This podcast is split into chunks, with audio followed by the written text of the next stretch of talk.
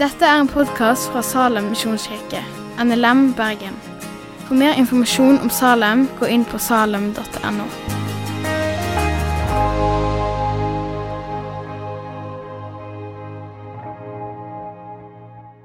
Men så langt så har dere jo fått høre om skapelsen, dere har fått høre om Noah, Abraham og Isak. Og i dag så skal jeg få lov til å snakke til dere om Jakob. Um, ja, og han er jo en av disse patriarkene da, i Gamle testamentet. En av stamfedrene. Og for å gi dere en sånn rask um, repetisjon, da. Jakob han er sønn av Isak og Rebekka. Eh, og da altså barnebarn av Abraham og Sara. Og Jakob er en person det står masse om i Bibelen. Og vi får faktisk følge ham helt fra morslivet, altså i fosterlivet, og til dagen han dør og blir begravd. Og det her sprer seg utover kjempemange kapitler i, det, i Første Mosebok. Så han er det via mye plass til. Um, og det er jo ikke så mange personer eller karakterer i Bibelen vi får møte allerede i fosterlivet. Men Jakob han er en av de. Og da I første Mosebok kapittel 25, så leser vi om at Rebekka er gravid med tvillinger. Og Vi leser at de slåss i magen hennes. Og Rebekka vender seg til Herren for råd, og Herren sier da til henne.: To folkeslag er det i ditt liv. To folk skal skilles helt fra mors liv av. Den ene blir sterkere enn den andre, og den eldste skal tjene den yngste. Så allerede her så får vi jo vite litt mer om hvordan livet da, til disse to tvillingene skal bli. Og så kommer fødselen. Og den som kommer først, det er Esau. Og like etterpå så kommer da Jakob. Eh, og han holdt broren sin i hælen. Jeg syns det er litt fascinerende at en baby klarer det. Men, og derfor får jo også Jakob navnet Jakob. da. For navnet det kan bety en som holder i hælen. Det vil jo da si en som narrer eller lurer noen. Men det kan også ha betydningen Gud beskytter. Og eh, når vi leser videre da, i historien om Jakob, så får vi se at begge disse navnene det passer egentlig godt til ham. Og eh, til ulikhet fra i dag, da, hvor eh, jeg tror ikke alltid foreldre tenker på hva navnet betyr når de døper barna sine, eller gir barna navn. Men på denne tida her så var navnet av en veldig stor betydning. Og man kan si at Kjente du navnet til noen, så kjente du også personligheten deres. da. Så Jakob han var da en person som narrer eller lurer andre, men samtidig så levde han under Guds beskyttelse. Og Tvillingene Esau og Jakob de var eh, svært forskjellige. De beskrives også veldig forskjellig. Og det står at Isak han var mest glad i Esau, mens Rebekka var mest glad i Jakob. Det er jo ikke bra så klart, å forskjellsbehandle barna sine sånn. Og Vi ser også videre at, eh, hvilke konsekvenser det får. da. Og En dag da, når de har blitt litt eldre, så kommer Esau hjem fra jakt. Og Han er kjempesliten og kjempesulten. Og så Jakob er jo den litt mer huslige broren. da. Og så ber han om å få litt av Jakob sin mat. da. Og hvis han skal få litt av det, så skal han gi førstefødselsretten sin så han altså vil bytte et måltid mat mot selve denne førstefødselsretten. Um, og det går jo Jakob med på. Eh, og her viser kanskje Esau litt hvor uh, dum han er, eventuelt hvor litt korttenkt han er. Eller at han rett og slett bare var veldig utmatta. Fordi som førstefødt så hadde du da krav på dobbel del av arven. Og du hadde også, det var også den som skulle arve velsignelsen. Og for denne slekta her da, så innebar jo det velsignelsen som Gud ga til Abraham. Og det Gud lovte Abraham, det var jo at um, han skulle velsigne Abraham rikt. Han skulle gjøre hans sår ett så tallrik som stjernene på himmelen og som sand på havets strand. Og at gjennom hans ett så skulle alle folk på jorda bli velsigna.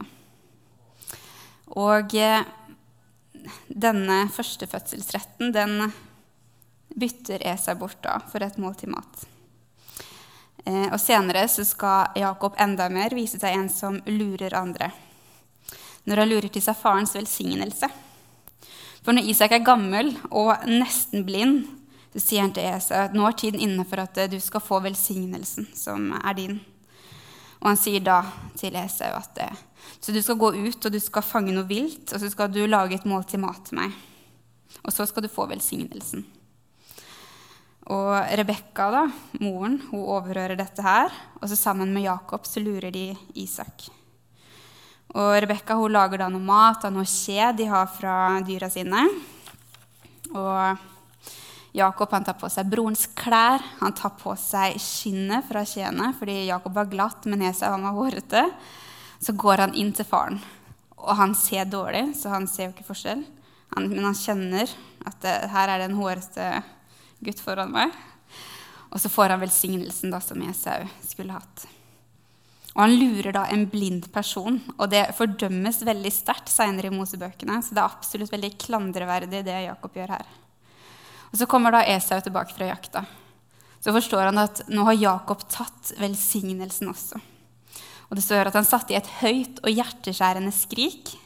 Og han sier, med rette har han fått navnet Jakob, for når han lurte meg to ganger, så står det at han la broren sin få hat og planla å drepe ham når faren snart var død.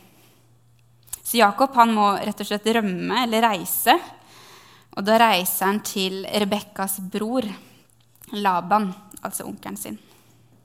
Så han legger ut på den reisen. Og det er sikkert ikke bare bare, for han var jo den huslige, huslige sønnen som trivdes i nærheten av teltet og med moren sin. Men nå må han legge ut på reise. Eventuelt rømme, da. Og så Den første natta på reisen hans så får han et møte med Gud i drømmen sin. Og dette her, det er eh, Jakobs første møte med Gud, men det skal bli flere. Og Det står i Første Mosebok, kapittel 28, vers 12-15. Der står det Hvis vi får det opp. Ja. Da hadde Jakob en drøm. Han så en stige som var reist på jorda og nådde himmelen. Og se, Guds engler steg opp og ned på den. Og da sto Herren foran ham og sa, Jeg er Herren, din far Abrahams Gud og Isaks Gud. Det landet du ligger i, vil jeg gi deg og din ett. Din ett skal bli som støvet på jorda. Du skal bre deg ut mot øst og vest, mot nord og sør, og i deg og i din ett skal alle slekter på jorda velsignes. Og se, jeg vil være med deg og bevare deg hvor du går, og føre deg tilbake til dette landet. For jeg skal ikke forlate deg, men gjøre det jeg har lovt deg. Så her kommer da Gud til Jakob og gir han den velsignelsen han ga Abraham.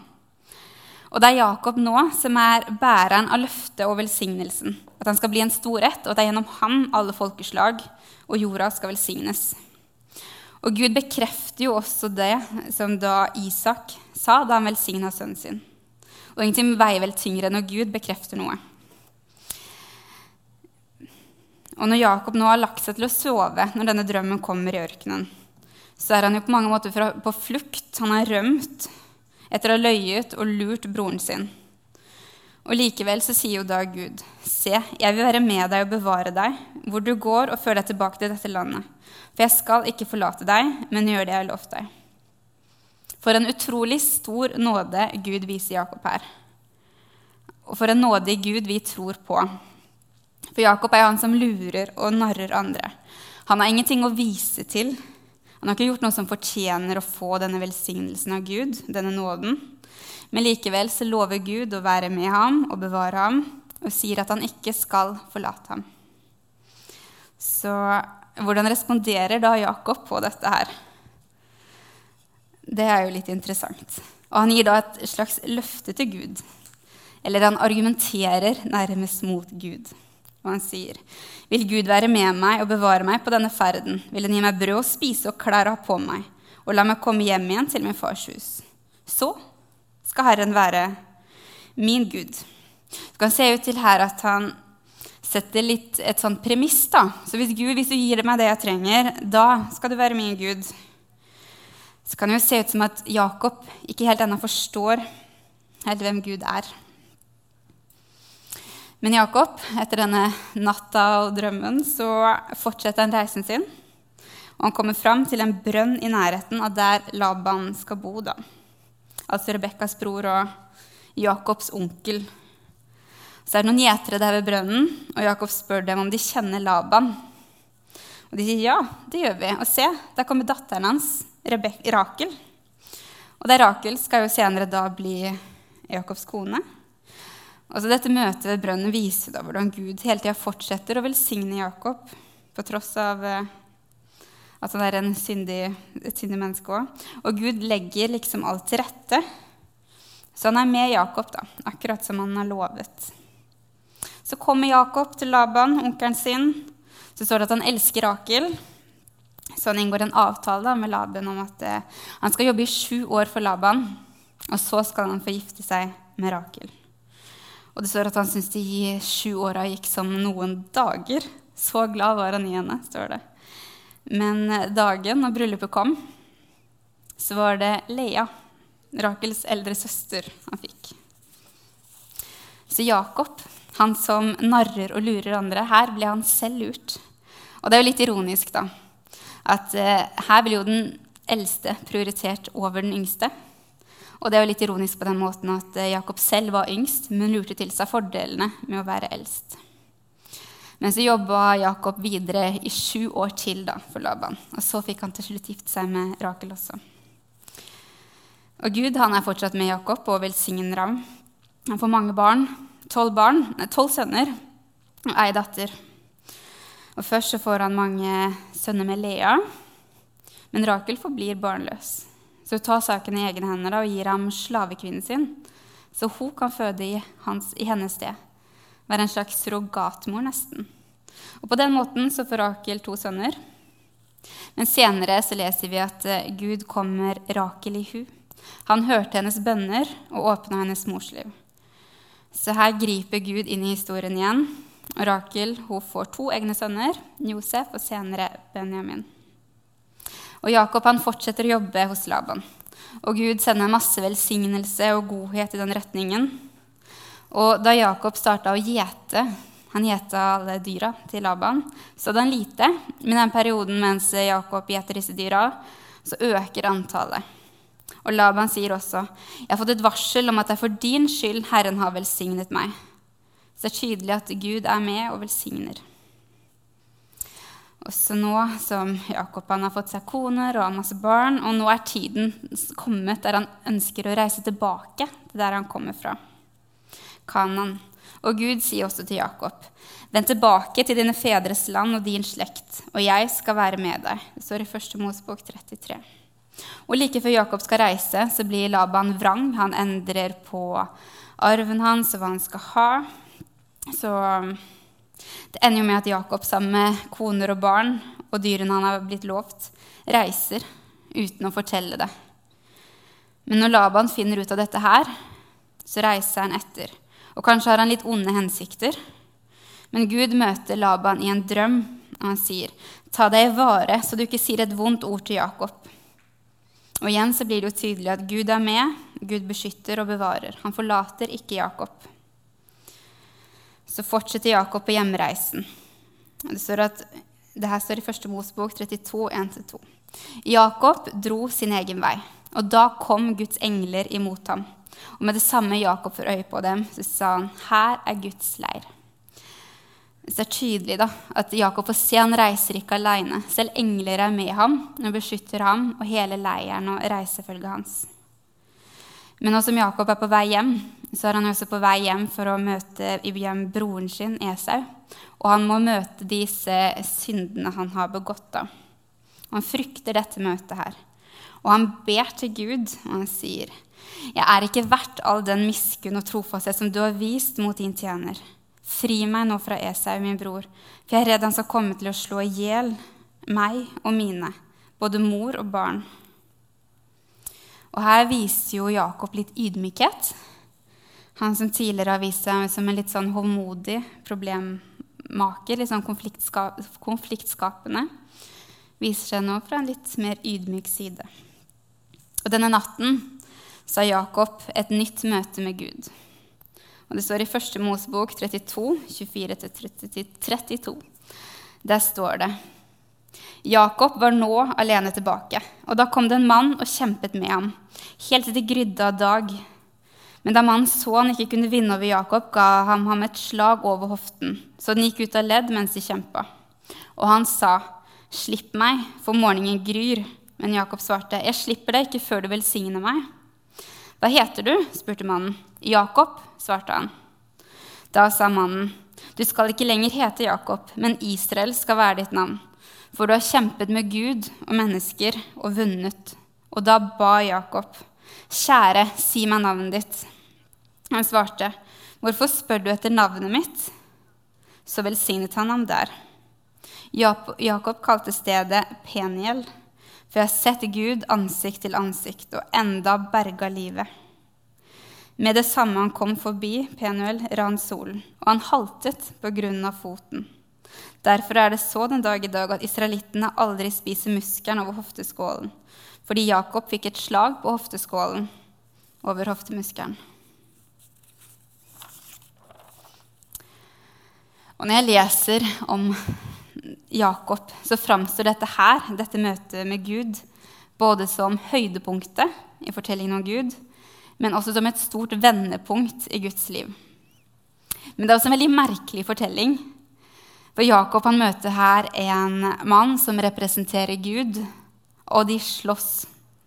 Veldig spesielt. Eh, Jakob han møter Gud her da ansikt til ansikt. Og i Gamle Testamentet så er jo det forbundet med en veldig stor risiko å møte Gud. Han som er så hellig, og vi som er så syndige. Og I Gamle Testamentet kan vi ofte lese om at menneskene de møter Gud som et lys, brennende busk, i en storm eller i en drøm. Men her møter Jakob Gud ansikt til ansikt. Han kommer levende fra det. Igjen et slags eksempel på den nåden Gud hele veien har vist mot Jakob. Og så er det fascinerende hvor opptatt Jakob er av å bli velsigna. Jeg slipper deg ikke før du velsigner meg, sier han. Kanskje er det erfaringen av hvordan Gud hele tida har vært med og velsigna ham, som gjør det. Og så er det dette med maktforholdet. Og det står at Da mannen så at han ikke kunne vinne over Jakob, så ga han ham et slag over hofta, så han gikk av ledd mens de kjempa. Og Jakob han kjemper med Gud. Og Gud kunne jo lett ha vunnet over Jakob. Men det er interessant hvordan Jakob han slipper ikke taket. Han gir ikke opp kampen. Og så skjer det jo noe med Jakob i denne kampen. Gud rører ham, står det. Og I dette tilfellet så fører jo det til smerte. Han får hofta ut av ledd. Og Jakob han skal behøve en stokk resten av livet sitt. Han blir bøyd, rett og slett. Bøyd fysisk ved at han har behov for denne stokken. Og I brevbrevet 11.21 så er det formulert som at Jakob var bøyd over toppen av staven sin. Så jeg ser for meg litt sånn Man som henger litt over sokken sin. Han er litt lavere. Han er bøyd fysisk, men ikke kun fysisk. Men også på det åndelige og personlige planet. For Jakob han er fram til nå han er framstått som en litt sånn hovmodig problemmaker. Han blir nå bøyd. Og i Hosea 12, 4-5 så leser vi I mors liv holdt han sin bror i hælen. I sin manndom kjempet han med Gud. Han stridde med engelen og vant. Han gråt og ba om nåde. Så Jakob, han gråt og ba om nåde. Og det ligner ikke så mye på den Jakob vi har lest om fram til nå. Vi ser her en mye mer ydmyk Jakob og ved Jakobs første møte med Gud, når Gud lar ham bli bæreren av velsignelsen, så kan det virke som at han ikke helt forsto hvem Gud var. Han satte premisser og argumenterte mot Gud, at han turte. Og ikke misforstå, for vi mennesker vi kan jo aldri fullt forstå hvem Gud er. Verken eh, bredden eller høyden eller dypet av eh, hans natur og karakter. Ei heller Guds natur og Guds kjærlighet til oss. Men det kan se ut som at nå så forstår Jakob mer av hvem Gud er. Og Tidligere så har Jakob omtalt Gud som fedrenes gud. Han har sagt Abrahams gud og Isaks gud, men også Abrahams gud og Isaks redsel. Og Jakob gir stedet navnet der han slåss med Gud, Peniel, som betyr Guds ansikt. For han sier at 'jeg har sett Gud ansikt til ansikt'. Fra da av Jakob han omtaler Gud på en annen måte. Det er ikke lenger fedrenes gud, men det er Jakobs gud. Og Eksempelet på navn han nå videre bruker, er Jakobs veldige, hyrden, Israels klippe og den allmektige. Og når han seinere skal velsigne sønnen sin Josef, så sier han 'din fars Gud'. Det vil jo si han selv. Hans egen Gud. Og nå, i mye større grad, bekjenner Jakob Gud som sin Gud. Som viser litt om hvordan han ser på Gud. Og Jakob han får også et nytt navn under denne, slåss, under denne kampen. Han får navnet Israel, og det er Gud som gir ham navnet. Og det betyr Gud kjemper, eller den som kjemper med Gud. Og Jakob det betydde jo mer en som narra eller lurte andre. Eventuelt også en som lever under Guds beskyttelse. Og begge, dele, begge de to betydningene har jo passa veldig godt til Jakob fram til i dag. Men nå er navnet hans Israel. Et nytt navn, men også på mange måter en ny identitet. Og kanskje også et litt nytt syn på Gud. Så historien om Jakob det er jo også en slags trosreise. Og i hvert fall som jeg leser historien om Jakob, så er dette møtet høydepunktet. Høydepunktet og vendepunktet i Jakobs trosreise. Så vil jeg at du skal tenke på din trosreise. Hvor er du på denne reisen? Kjenner du Gud? Hvem er han i livet ditt? Og ikke la det være din foreldres gud eller guden du lærte om på søndagsskolen. Eller Gud, det er han vi tilber her i salen på lørdag. Min bønn og mitt ønske det er at Gud det skal være din Gud. At du skal kunne bekjenne at det, det er din Gud, den veldige, den allmektige, klippen din. Og så lever vi i et postmoderne samfunn da, der mennesker snakker om, om min Gud og din Gud. og Min sannhet og din sannhet. Altså, det er viktig at vi ikke lager vår egen Gud, trekker ifra det vi ikke liker, og legger til det som passer. For det er én Gud, og det er én sannhet. Og så er vi så heldige, da. Vi har Bibelen på vårt språk. Og Bibelen den forteller jo om Gud. Så hvis det er noe du er i tvil om eller lurer på angående Gud, så finner du sannheten i Bibelen. Og Bibelen er jo også et sted der veldig mange møter Gud. For eh, mest, la oss være ærlige, mest sannsynlig så møter du ikke Gud ansikt til ansikt i en kamp, noe som Jakob gjorde den natta. Men Gud han møter fortsatt mennesker i dag. Og Gud han banker jo hele tida på hjertene våre. Han banker på hjertene våre, men det er vi selv som må lukke opp for ham. Og kanskje er det din bønn. Du skal høre bankene på døra og lukke opp døra. Og det er en bønn vi i Salem og kveldens forbedre gjerne vil be sammen med deg. Og så etter dette møtet, da, etter denne, dette vendepunktet denne natta, så er dagen kommet for at Jakob skal møte Esau, broren sin. Og dette møtet hadde han jo frykta og grua seg til. Men der Jakob var redd for å møte en bror som ville ham vondt, så møter han en Esau som løper ham i møte, omfavner ham og kysser ham. Og de gråter, og det står Mens Esau sprang imot ham og slo armene om ham, kastet seg om halsen på ham og kysset ham. Og de gråt. Så Jakob møter jo det absolutt motsatte av det han forventer, og noe annet enn det han egentlig fortjener. Og slik Jakob møtes av Esau her, med nåde, noe annet enn det han fortjener. Og slik har vi det også i møte med Gud. Vi kan møte en nådig Gud. En Gud som tar imot oss med sin frelsende favn. Og Guds endelige frelsesplan ble jo fullbyrda på korset på Golgata av Jesus i påska for 2000 år siden. Men det gjelder jo like fullt ut i dag. Det står i Romerne 3, 23-24 at for alle har synda og mangler Guds herlighet. Men ufortjent og av Hans nåde blir de erklært rettferdige, frikjøpt av Kristus Jesus. I Romerne 5,8 så står det at men Gud viser sin kjærlighet til oss ved at Kristus døde for oss mens vi enda var syndere. Så Esau møter Jakob da med nåde han ikke fortjener. Og Gud møter jo oss med en grenseløs nåde som vi absolutt ikke fortjener. Og kanskje bør vi også i større grad møte menneskene rundt oss med litt mer forståelse. mer kjærlighet og mer nåde. Og Jesus er jo det beste eksempelet å se til her. Og han sier jo selv i Matteus 5, 38-42 i bergprekenen. Dere har hørt det er sagt, øye for øye og tann for tann. Men jeg sier dere, sett til motverge med dem som gjør ondt mot dere. Om noen slår deg på høyre kinn, så vend også det andre til. Vil noen saksøke deg og ta skjorta di, så la han få kappen også. Om noen trenger deg til å følge med en mil, så gå to med ham. Gi til den som ber deg, og vend ikke ryggen til den som vil låne av deg.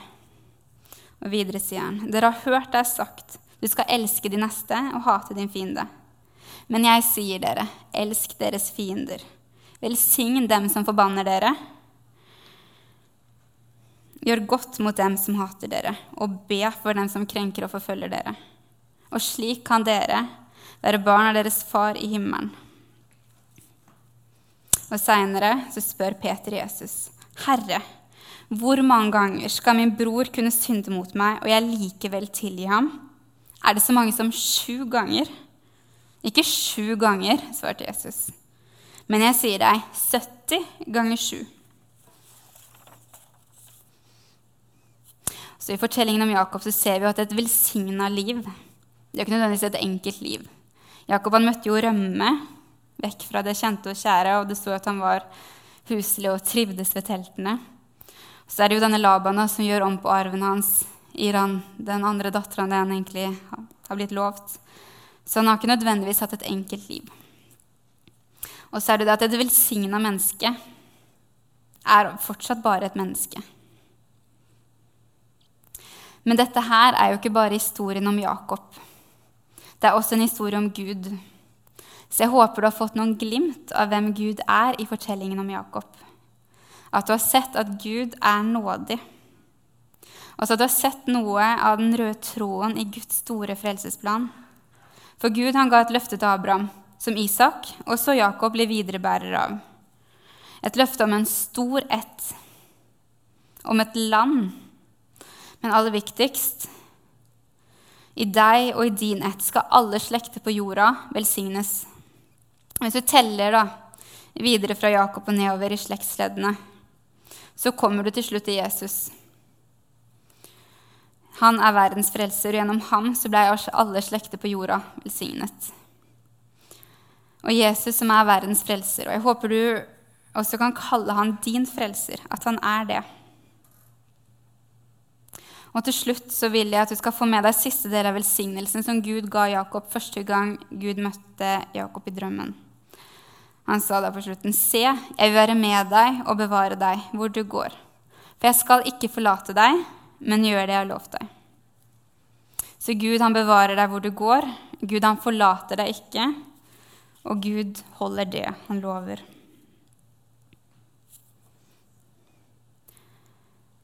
Kjære gode far, takk at du er vår Gud, og takk at du er nådig, og at du holder det du lover, og at du er den samme i dag som det du var for Jakob, Gud. Og jeg ber om vi skal eh, jeg ber om vi her i dag skal kunne kalle deg for vår Gud.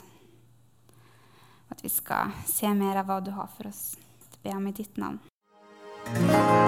Takk for at du har hørt på podkasten fra Salem, Bergen. I Salem vil vi vinne, bevare, utruste og sende, til Guds ære. Vi ønsker å se mennesker finne fellesskap, møte Jesus og bli disippelgjort her i Bergen og i resten av verden. Vil du vite mer om oss, gå inn på salem.no.